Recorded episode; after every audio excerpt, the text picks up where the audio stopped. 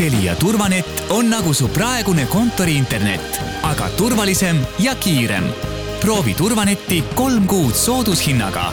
Telia.ee kaldkriips turvanett. kuku raadios välja öeldud seisukohad ei pea ühtima Kuku raadio seisukohtadega. Te kuulate Kuku raadiot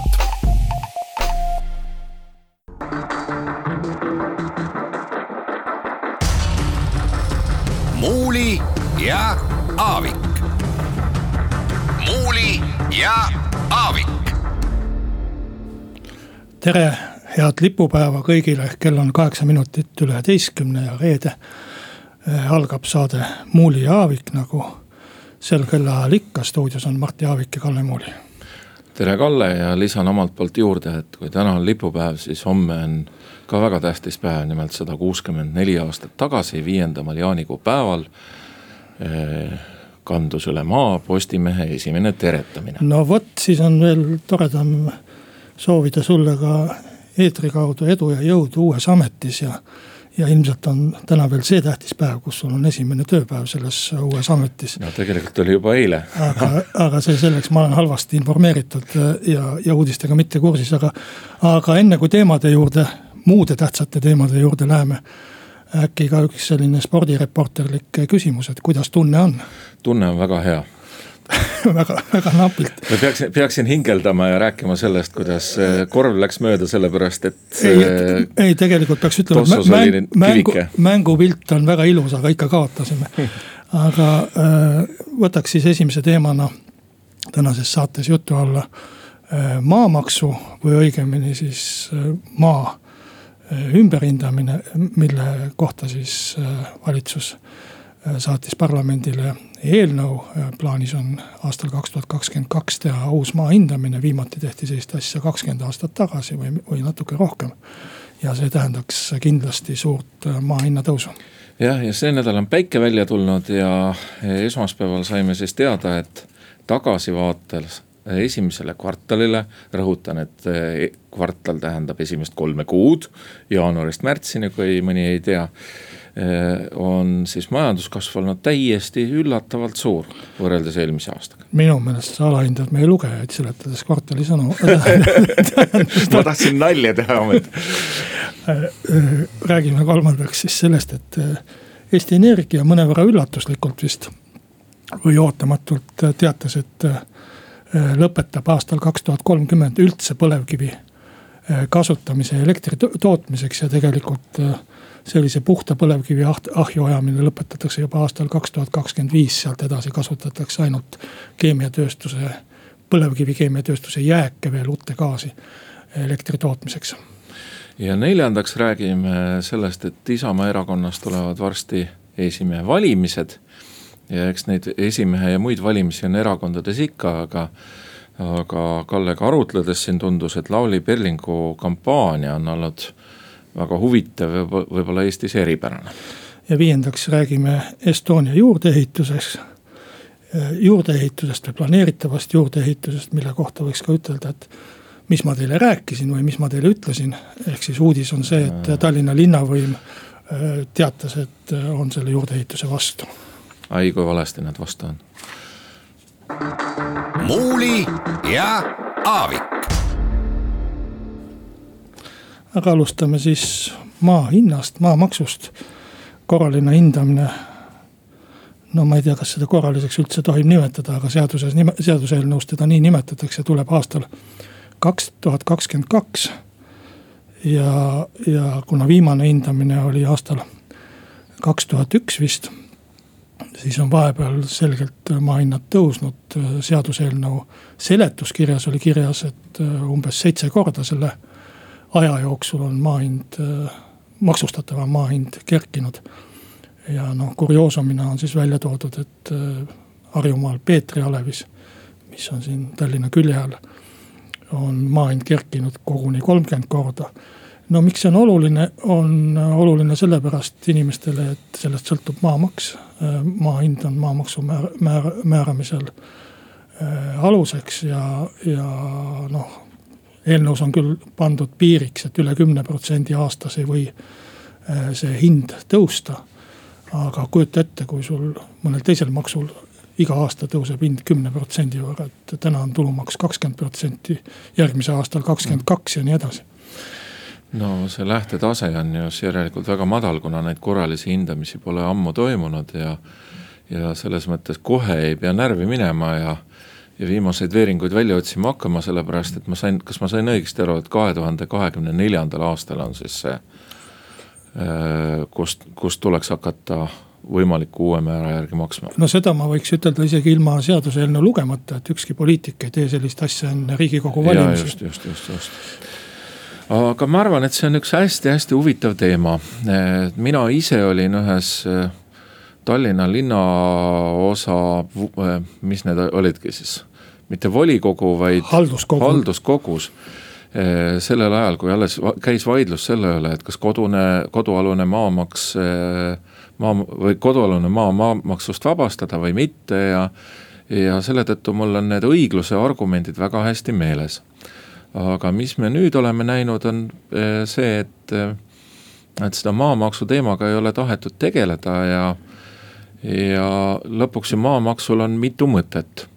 ma saan aru, et tänapäevane suur mõte on see, et hoida maad käibes, et et magusad maatükid ei seisaks lihtsalt niisama jõude, on vist nii, eks ole? nojah, piiratud ressurss, tootmisvahend vaja oleks, et see oleks ägedalt käibes, aga eks riigieelarvesse või vabandust, kohalikusse omavalitsuse eelarvesse ole raha ka vaja. aga ma mõtlesin hoopis eh, teise asja peale, et eh, ma ei tea, mida need geograafid ja juristid sellest arvavad, aga. aga vaata, kui sa Tallinna vanalinnas kõnnid, siis eh, ja mõnda hoovi ka satud, siis saad aru, et fassaadid on hästi kitsad. ja need krundid on siis sellised pikad soolikad ja selle mõte oli ju tegelikult see, et eh, tänava ülevalpidamine ja tänava noh, ega nad alguses seal kolmeteistkümnendal sajandil ei olnud sillutatud, aga et see tänava pidamine oli väga kallis, suurt ühisjõudu nõudev. ja võib-olla on hoopis see tänavajoone maksustamine täiendavalt ka huvitav, et et vaata, nüüd räägitakse sellest lume koristamiskohustusest ja nii edasi, selge, et tasuta lõunaid ei ole olemas et võib-olla peaks mingisuguse hübriidvariandi hoopis välja mõtlema. no sina küll valituks ei osuta kuhugi mitte. Kalle, just osutusin et, et sellise jutuga. Aja... aga tegelikkus on ju see, et kohalikud omavalitsused vajavad ka maksutulu ja tegelikult mingisugust mõju oma äh, maakorraldusele, lisaks siis äh, nagu nendele planeeringuprotsessidele, et et minu meelest on ikkagi imelik, et eh, meil nagu üleüldse on kuidagi nagu varamaksuliigid ära kaotatud, et mina maksan näiteks oma kodukrundi eest äkki viie ja kümne euro vahel maamaksu aastas. seda selle tõttu, et eh, noh, krunt on natukene, ma ei tea, ma ei, enam ei mäletagi, mõnikümmend ruutmeetrit või sada ruutmeetrit suurem kui see Äh, maksust vabastatud piir. ega see ju lõpuks ka ei ole mingisugune eriline õiglus, mis on saavutatud. noh, ma arvan, et see kodualuse maamaksu vabastus. see tõenäoliselt jääb. vähem, see kindlasti jääb, aga, aga vähemalt äh, mõnda aega ta on ka kindlasti veel äh, põhjendatud ja, ja õigustatud. et see on ikkagi eelmiste aegade pärandus, mis meile on kaela jäänud, et on, on suur hulk inimesi kes on endale kodud ehitanud, kellel on vara, aga kellel nõukogudeaegse tööstaaži või pensioni tõttu on.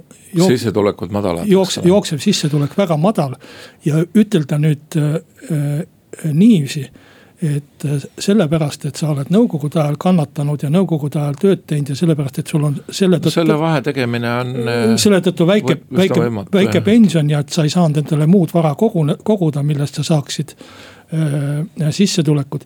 et nüüd sa pead veel oma kodu ka ära müüma, sellepärast et, et sa maamaksu ei, ei jõua maksta. see oleks ikka äh, täiesti katastroof minu meelest. ei, aga, aga iseenesest nagu maamaks ja normaalsel tasemel ja võib-olla ka, ma arvan, et see varamaksude üle vaidlus veel tuleb, et. et varamaksud on veel ju kraad keerulisem ja kangem äh, küsimus, et iseenesest on ju avaliku sektori teenuseid tarvis kuidagimoodi rahastada ja ma arvan, et eh, osa neid teenuseid on ju ka puhtloogiliselt lihtsalt ongi selle maaga seotud, pluss veel see maa käibes hoid-, hoidmise küsimus, eks no, ole, tootmisvahend. vaatasin, et kohalikud omavalitsused kõik kokku Eesti peal on saanud maamaksu juba kümme aastat järjest ühel ja samal tasemel. kuuskümmend miljonit eurot on see summa kokku ja see tähendab siis ilmselt seda, et igal pool on maamaksumäär maksimaalseks tõstetud, aga maa hinda ei saa tõsta ja kuhugi edasi nagu minna ei ole. et tegelikult me peaksime vist siit eetrist täna veel tervitama Eesti rahvast mitte ainult lipupäeva puhul ja, ja Postimehe aastapäeva puhul, vaid ka Andrus Ansipit tuleks tervitada, kes siis kakskümmend aastat, kahekümnest aastast neliteist oli äh, vist äh, mingisugune Reformierakonna pärand. kus ei juletud lihtsalt seda maa, maa hindamist teha. kas ei juletud või oli see nagu võib-olla oli seal ka mingisugune sihipärane maksukoormuse allhoidmise mõte, ei oska öelda, aga, aga see on muidugi poliitiliselt nii madal tase, see linnaosa, mis ta oli, halduskogu, eks ole, aga. aga mina mäletan küll, et meil olid seal reformierakondlased, kes rääkisid seda, et kui noh, maa, maa maksustamine on ikkagi väga ebaõiglane asi. nojah, et tegelikult ju, kui, kui me vaatame seda viimast hindamist, mis oli kaks tuhat üks, siis kaks tuhat viis oli see, kus oleks pidanud järgmine hindamine olema nelja aasta tagant. noh, ta ei olnud küll seadusega kohustuseks pandud, aga loogiline tsükkel öö, oleks umbes selline olnud ja nüüd tahetakse ka selline tsükkel kehtestada. et öö, ma arvan küll, et seal olid väga kõvasti taga ikkagi kõikide muude eh, kaalutluste kõrval ka reitingu küsimused. et lihtsalt on üks erakond, kes peab reitingut nii tähtsaks, et võib, võib jätta ka maa hindamata. ma ei kujuta ette, mis nüüd sellest Peetrist või, või mingist sellisest kohast saab, kus on maa hind tõusnud kümme, kakskümmend või, või kolmkümmend korda, et. kui kümne protsendi kaupa võib tõusta mitusada aastat me siis seda maamaksu tõstame seal Peetri külas. kolmkümmend korda, see on protsentides ma arvan, et mitu tuhat protsenti, eks ju, ja kui kümme protsenti korraga võib nagu tõusta. loomulikult võib maksumääraga ka mängida, selle võib alla lasta ja nii edasi, aga, aga, aga, aga selline väga noh ma ei leia kõige no, kohalikel omavalitsustel, kohalikel omavalitsustel on ju ka valijad, nii et eks nad seal siis maksumääraga mängima hakkavadki et minu jutt on see, et hindamine iseenesest ei ole halb, halb on see, et ta on olnud kakskümmend aastat hindamata. ja võib-olla, et halb on ka see, et kui peaminister astub ametisse ja ütleb, et meil on maksurahu. et siis ta võiks seda lubadust kas mitte anda või kui ta sellise lubaduse annab, siis ta võiks ka seda lubadust pidada mm. -hmm.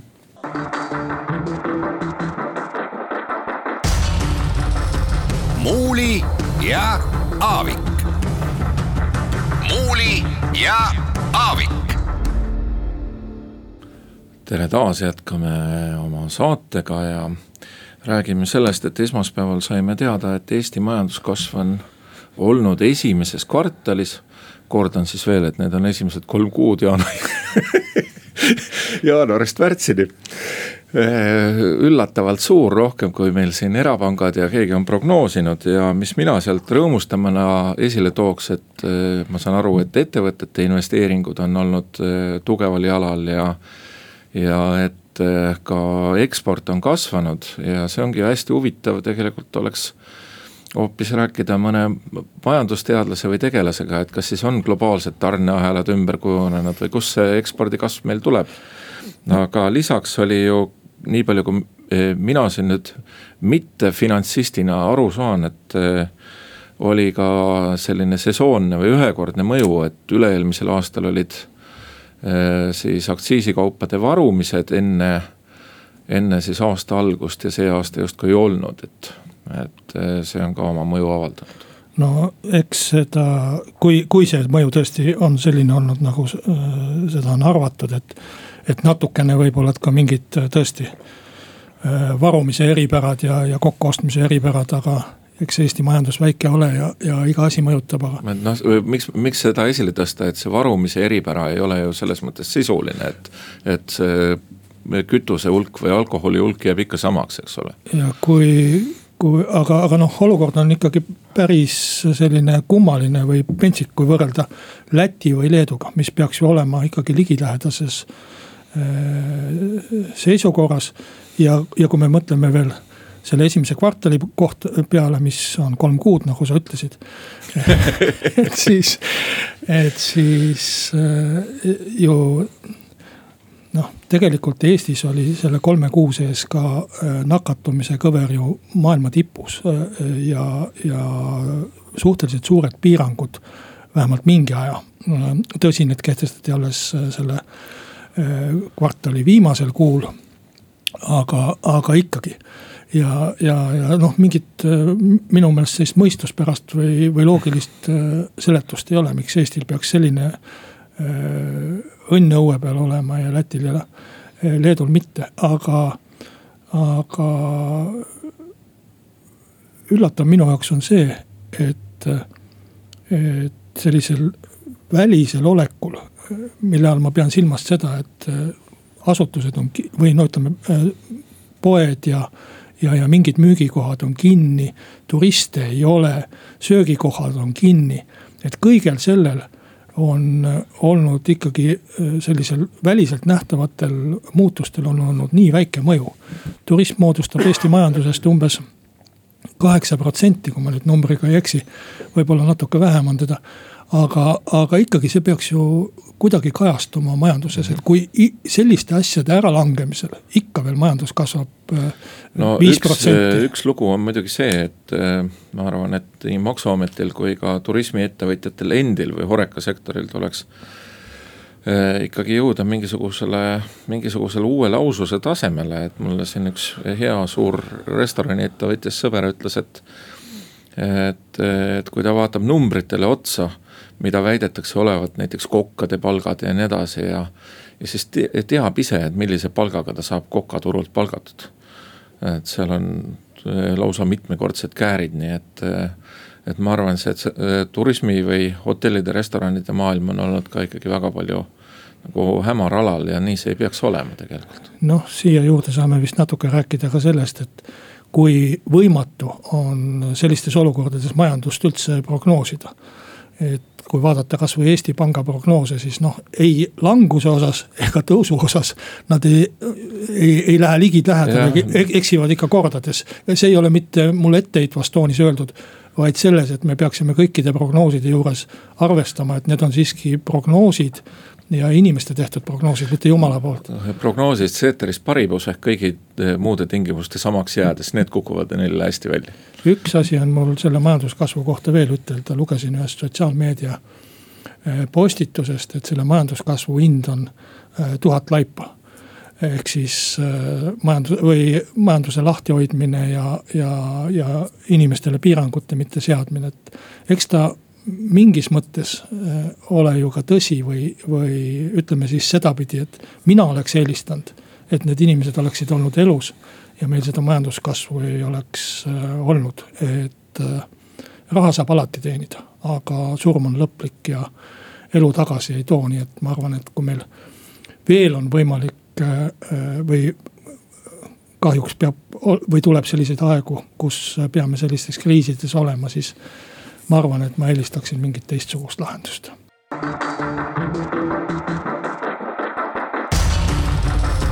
muuli ja Aavik.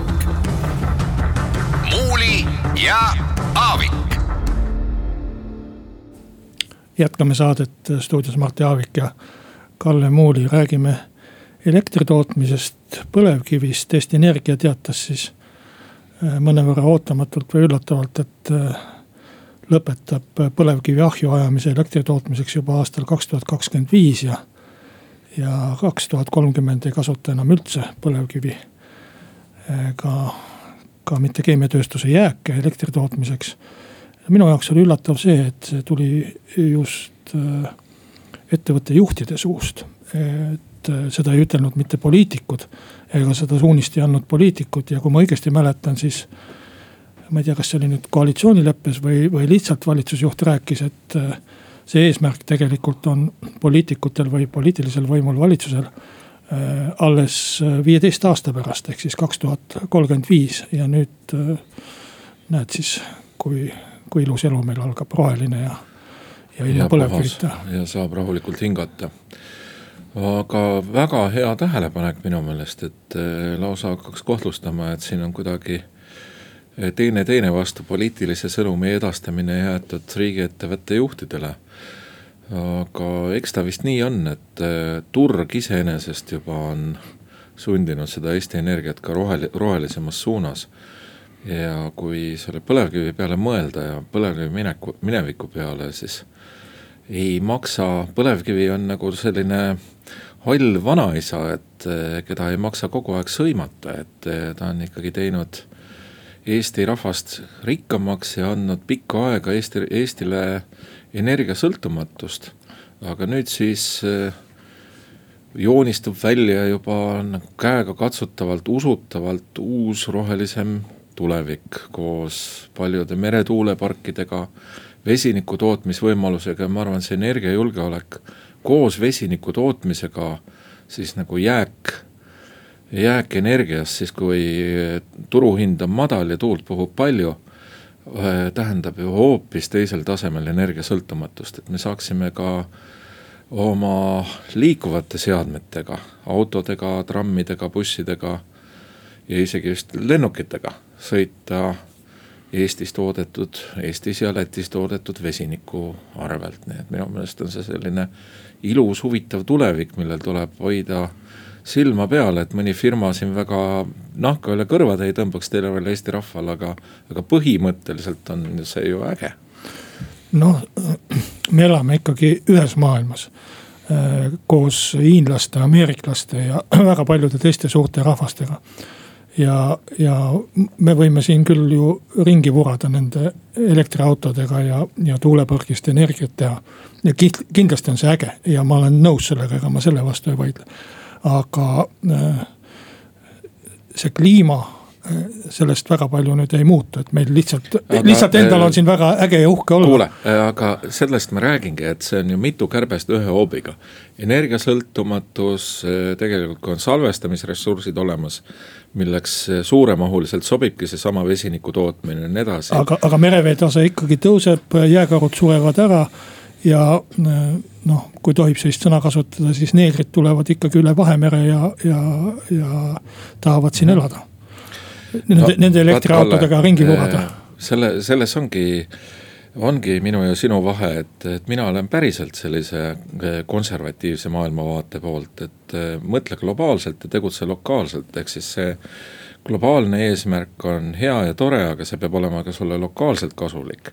ja ma arvan, et äh, käega katsutavalt suurusjärkude mõttes on nende eh, tuule ja, eh, ja, ja vesinikutehnoloogiate hind selline, et, ta on kohe-kohe konkurentsivõimeline. et nüüd... ei ole erinevused enam juba hulk aega suurusjärkudes, vaid, vaid eh, mõnedes või mõne, mõnedes kümnetes protsentides ja tehnoloogia areneb edasi, mastaabiefekt tuleb appi ja nii edasi. kui nüüd mu jutust võis jääda mulje, et ma kuidagi ei rõõmusta selle Eesti Energia teate üle või, või pean seda väheoluliseks ja see kindlasti nii ei ole, et see on tegelikult väga, väga vägev sündmus. kui, kui me saame noh, lihtsalt ühe loodusressursi või maavara sel kombel hävitamise ära lõpetada, et see on täpselt sama või, või noh, samaväärne kui sõnumiga, et me ei pea enam noh, metsa hävitama selleks, et elektrit toota või mis iganes. mets veel kasvab tagasi, aga põlevkivi mitte ja, ja see maastiku rikkumine ja nii edasi. aga küll, kus minu meelest võiks põlevkiviga täiesti jätkata ja, ja, ja mis on kindlasti oluline asi, on, on keemiatööstus et selline keemiatööstus, mis väärindab seda põlevkivi rohkem, kui on ainult õlitööstus, et ma arvan, et õlitööstus on noh, suhteliselt lähedal sellele samale, mis põlevkivi põle, põletamine on, lihtsalt enne võtame õli välja, viime kuskile mujale no,, põletame mina ära. olen lugenud äh, raportitest, kui õigesti meeles on, et selle õlitööstuse perspektiiv peakski olema selline noh, umbes viisteist maksimum kakskümmend aastat, et äh, tegelikult sinna ei ole mõtet panna rohkem raha, kui on võimalik ära amortiseerida selle viieteist, kahekümne, soovitavalt viieteist aastaga. jah, et äh, nüüd on huvitav küsimus siis, et mis valitsus selle õlitehasega teeb paar aastat tagasi veel oli õlitehas täiesti perspektiivikas asi. võis nagu teha, nüüd on andnud äh, rahvusvaheline energiaagentuur välja keelu, et fossiilsetesse kütustesse või energiasse ei tohi enam üldse investeeringuid teha. kuulasin ja vaatasin valitsuse pressikonverentsi ja, ja peaminister rääkis seal äh, sellest õlitehasest ja mina aru ei saanud, mis see seisukoht oli. Et äh, ausalt äh, mäletan, et paar kuud tagasi öeldi, et äh, ei saa enam neid investeeringuid peatada, kuna investeeringuid on juba nii palju teinud. tuli valitsusest sõnum, nüüd on nagu toon teiseks võetud, aga sellist selget seisukohta ei ole või, või sul on mingisugune arusaam, mis, mis tahetakse? mina kuulasin siin ühte Keit Pentus-Rosimannuse, kes on siis omaniku esindaja Eesti Energia jaoks. Eesti riik on omanik ja, ja te, rahandusministri sõna maksab seal üldkoosolekuna. hoopis mingisugust seletust, et on siin olnud üks kohtuasi ja et tagasipööramatuid investeerimisotsuseid ei, ei tohi teha, kuni õiguslike asjaolude selg-, selgumiseni, umbes selline oli see jutt. no tõsi see. me ei tea, me ei, vist siin kumbki praegu ei tea, mis sellest saab. et tõesti, see on kohtus äh, roheliste äh, hagiga praegu keelatud sellega asjaga edasi minna. et eks ta natuke aega seisab ja, ja siis tuleb kohtulahendus, aga, aga otsuse peab langetama ikkagi mm. valitsus, et kas panna sinna raha või mitte. ma arvan, et et äh, me ise kaldume ka sinna praegu sellise Jüri Ratalikult ümmarguse jutuni, et äh, või mina vähemalt, et ma tahaks lõppu öelda, et ikkagi nendele Ida-Virumaa sotsiaalmajanduslikele aspektidele, siis inimeste väärikatele töökohtadele tuleb ka tõsiselt mõelda, et. et kas see üleminekufondi miljard või palju seal on, et et sellest, et see läheks võimalikult tõhusalt siis selleks, et. ma, ma arvan, et meil on natuke selline äh, tallinlase ettekujutus Ida-Virumaast, et, et vähemalt minul on selline noh, mingisugune alateadlik pilt, et terve kogu see regi-, regioon seal muud ei tee, kui võtab hommikul paneb kiivrid pähe ja poeb maa alla ja muudkui puurib põlevkivi. et äh, lugesin päris üllatusega äh,. ma arvan, et see oli kohalik ajakirjandus seal, kas Põhjarannik või midagi sellist. et põlevkivienergeetikaga on seotud ainult kaks tuhat kolmsada töökohta seal minu meelest ei ole palju. et kui ma meenutan, kuidas nõukogude ajal, nõukogude aja lõpus äh, hakkasid äh, välja surema äh, sellised mono, monoasulad, kus oli üks suur tehas, püssi või, või võhma või või, või Sindiga vist olid ka probleemid.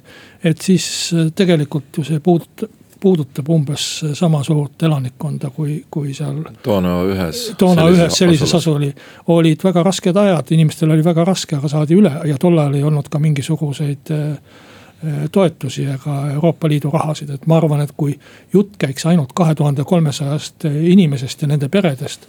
et siis äh, isegi töötukassa jõuaks selle kinni maksta, mis ei tähenda muidugi, et töötu on tore olla Muuli ja Aavik. muuli ja Aavik.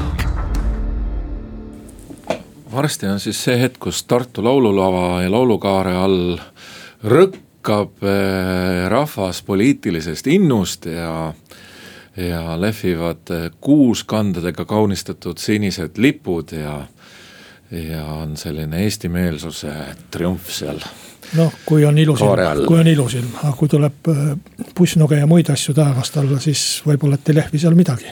ja kandideerib siis äh, praegune Isamaa esimees Helir-Valdor Seeder ja teadaolevalt ka mitte väga ammu äh, Isamaa erakonnaga liitunud Lavly Perling. ja eks me ootame huviga, mis sealt siis tuleb. eeltunne on nii nagu tema on, eks, et, et eh, pigem vist paneks raha selle peale, et tegelik võit tuleb Helir-Vald-, Helir, Helir-Valdor Seederile, kui keegi tahaks kihla vedada. aga ajend, miks sellest rääkida, on see, et no minu meelest on see Lavly Perling teinud ju väga-väga niisuguse huvitava ja toreda. Eh, võib-olla isegi natukene Ameerika moodi kampaania siin, käies eh, noh, olen jälginud tema Facebooki sõnumeid, iga päev on pildid, kus ta on, kelle, kellega ta käib, kellega ta kohtub ja nii edasi ja nii edasi, et. noh, tegelikult äh, eks erakonna esimehed äh, käivad ju mööda maad ringi oma piirkondadega kohtumas, isegi siis, kui ei ole valimisi tulemusi, tulemas, lihtsalt neid kohtumisi ei kajastata nii suurelt ja ei kajastata ajakirjanduses üldiselt üldse ja, ja minu teada on enne ka, enne valimisi ikkagi piirkonnad läbi käidud ja, ja inimeste toetust küsitud ja nii edasi. Isamaa on muide selles mõttes, mõttes Eestis üks äh, väheseid erakondi, et äh, on üldse mitu kandidaati. kui sa vaatad teisi erakonda, siis Keskerakonnal oli üks kandidaat, Jüri Ratas, äh, Reformierakonnal oli üks kandidaat, Kaja Kallas ja nii edasi, nii edasi, et EKRE-l üks kandidaat äh, oli ta siis Mart või Martin Helme parajasti. ja NLKP-l oli üks kandidaat, Leonid Iljitš Brežnev. seal vist ei olnudki kandidaati, valiti lihtsalt ära aga, aga äh, eks äh, äh, Lavly Perlingu meeskonnas või parempoolsete meeskonnas on äh, mitu inimest, kes äh, omal ajal äh, tegid Res Publicas samasugust põllutööd poliitikas nimetatakse, nüüd ma defineerin kvartalit jälle. poliitikas nimetatakse põllutööks äh, seda, kui äh, käiakse kohapeal inimestega kohtumas. sõidetakse välja linnast. ja, ja eks ta ja, ja see olukord mulle natukene meenutab seda. ja võib-olla, et nad ka teadlikult tahavad kopeerida seda omaaegset Res Publica tegemist. kus toodi ka noh poliitika, praktilises poliitikas mitte olnud kandidaat Rein Taagepera. ja, ja toodi nende inimeste poolt, kes tegelikult nagu asja juhtisid või, või tehti selliseks käilakujuks. kes siis äh, valimistel pidi hääli võtma.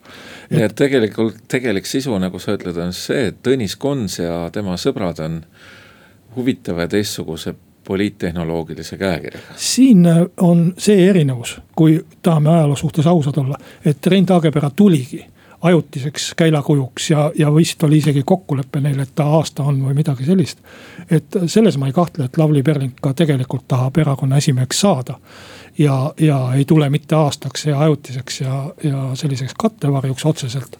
aga, aga noh, ta ikkagi mulle meenutab seda situatsiooni, aga üks asi on põhimõtteliselt erinev, on see, et tol ajal, kui Res Publicat tehti ei olnudki Res Publicas selliseid kogenud poliitikuid ja erakond ise oli alles asutamisel. seal ei olnudki kellelgi mingit poliitilist ajalugu. Äh, et siis oli loomulik, et, et ei saanud ka esimehel olla väga pikka poliitilist ajalugu selles erakonnas. aga Isamaal on vastupidi, Isamaa on Eesti vanim erakond. ja äh, noh, Isamaal on küll ja küll väga pika poliitilise ajalooga poliitikuid, kes võiksid olla erakonna esimehed ja juhid ja, ja nüüd tuua väljast selline inimene, kellest me ei tea. tal ei ole poliitilist kogemust, me ei tea, kas ta õnnestub või ei õnnestu, selline kui daami kohta sobib nii ütelda, siis puhas põrsa, põrsa, põrsakotis ost, ostmine. et võib väga hästi õnnestuda ja võib mitte õnnestuda. ja samas kõrval on täiesti vastupidine kandidaat, kes on pika poliitilise kogemusega, kellest me kõik teame, kes on kõiki ameteid pidanud ja, ja sisuliselt ka. sina oled seal erakonnas sees ja ma tean, et üsna tipu lähedal eh, tiirlemas, et eh, et kas ei ole siis ometi teil nagu muret, et reiting on selline ja niisugune ja naasugune ja. eks ikka tahaks, et reiting oleks kõrgem, miks ei tahaks, aga see reiting on olnud Isamaal viie protsendi juures juba kahe tuhande viieteistkümnendast aastast saadik, kuus aastat ja äh, hoolimata sellest reitingust, me oleme kõik valimised läbi teinud mm. -hmm. Äh, tulnud väga edukalt läbi Aga, ja teinud äh, viimases valitsuses ja saanud valitsusse ja viimases valitsuses teinud ära ka, ka et... ühe kõige suurema reformi, pensionireformi tegime ära. oi, et juhin tähelepanu, et reiting oli ju parim, palju parem, kui erakonda juhtis Urmas Reinsalu kui ta on nüüd olnud Helir-Valdor Seedri ajal. miks siis mitte Urmas Reinsalu näiteks? enne kui Helir-Valdor Seeder üldse erakonna esimeheks valiti, aastal kaks tuhat seitseteist maikuus, päev enne seda kirjutas Äripäev puhka rahus IRL ja selle loo sisu, juhtkirja sisu oli see, et ükskõik, kes valitakse Isamaa esimeheks või IRL-i esimeheks, tol ajal oli teine nimi. see erakond on täiesti surunud, nüüd on sellest neli aastat mööda läinud ja näed kaks inimest isegi pürgivad selle erakonna otsa ja tahavad mm -hmm. teha sellest. ma saan aru, et vaata, et Eesti valitsust juhtiva erakonna, vähemalt Lavly Perlingut. no aga näed, isegi Rahvaliidu, Rahvaliit oli ju vahepeal täiesti eh, surnud, aga isegi Rahvaliidu etteotsa pürgisid inimesed. Jah, ja mis sellest Rahvaliidust sai, väga võimas valitsuspartei EKRE nime all, aga jätame võib-olla sellised spekulatsioonid kõrvale ja räägime natuke ka Estonia juurdeehitusest. Noh, Tallinna linnavalitsus või, või linnavõim, võiks niiviisi ütelda, praegu vist rohkem küll ametnike noh, selline suu läbi või ametnike vaidluste tulemusena on siis jõudnud seisukohale, et Estonia juurdeehitist, ehitust sellisel kujul, nagu tahetakse sinna Tammsaare parki rajada. ja, ja riigikogu poolt rahastamisnimekirja panna, et sellist asja Tallinna linn ei luba teha ja, ja mõeldud on siis ilmselt arhitektuurilisi ja, ja muid kaalutlusi mm. -hmm. aga ees on ka kohalikud valimised, Tallinna linnavõim eeldatavasti muutub. Võib-olla, et see Estonia planeerimistsükkel on lausa nii pikk, et et jõuab see linnavõim muutuda veel mitu korda, nii et ega see ei ole mingisugune, mingisugune päris lõplik sõnum. et minu, olen mitu korda välja öelnud, et minu eelistus oleks see, et see Estonia ja meie muusikateater päriselt saaks oma ütleme laiendatud kodu, et, et siia saaks kutsuda ka maailmatähti ja meie oma muusikud saaksid areneda. ja et me saaksime kodus kuulata sellist muusikateatrit nagu ta olema peab maailma tipptasemel ja ma usun, et Eesti rahvas muusikarahvana kindlasti on seda väärt, et see nii oleks. ja ma tean, et mitmed arhitektid, ka mitmed väga kogenud arhitektid, näiteks Ike Volkov kirjutas meil siin ka mõni aeg tagasi, kui see vaidlus oli üleval Postimehes, et äh, ja kes on ka linnasüsteemis töötanud, et no olles siis selle juurdeehituse poolt, nii et see maitse küsimus ja arhitektuuri küsimus ei ole sugugi nii ühene, et et kõik arhitektid äh, vastu või kõik muinsuskaitsjad vastu, et Lo. loomulikult, aga ma arvan, et äh, see maandub ikkagi seal, et seda ei lasta sinna äh, teha, kus on planeeritud ja see on ka üks argument, miks ma ütlen. loomulikult on Estoniale öö, äh, uusi ruume vaja. võtame selle laenu, praegu on võimalik seda võtta ja lähitulevikus ilmselt ka ja ehitame talle ühe korraliku maja, et pole mõtet seda kisklemist seal selle platsi pärast teha ja, ja tulemuseks äh, on see, et, et me ei jõua mitte kuhugi sellega ja see no, jääbki tegemata. mina kardan seda, et, et tuleb mingisugune järgmine pakkumine ja selle äh, ümber on samasugune kisklemine. aga jätkame seda kisklemist siis järgmises saates, tänaseks lõpetame järgmisel reedel jälle Mart Jaavik ja Kalle Muuli.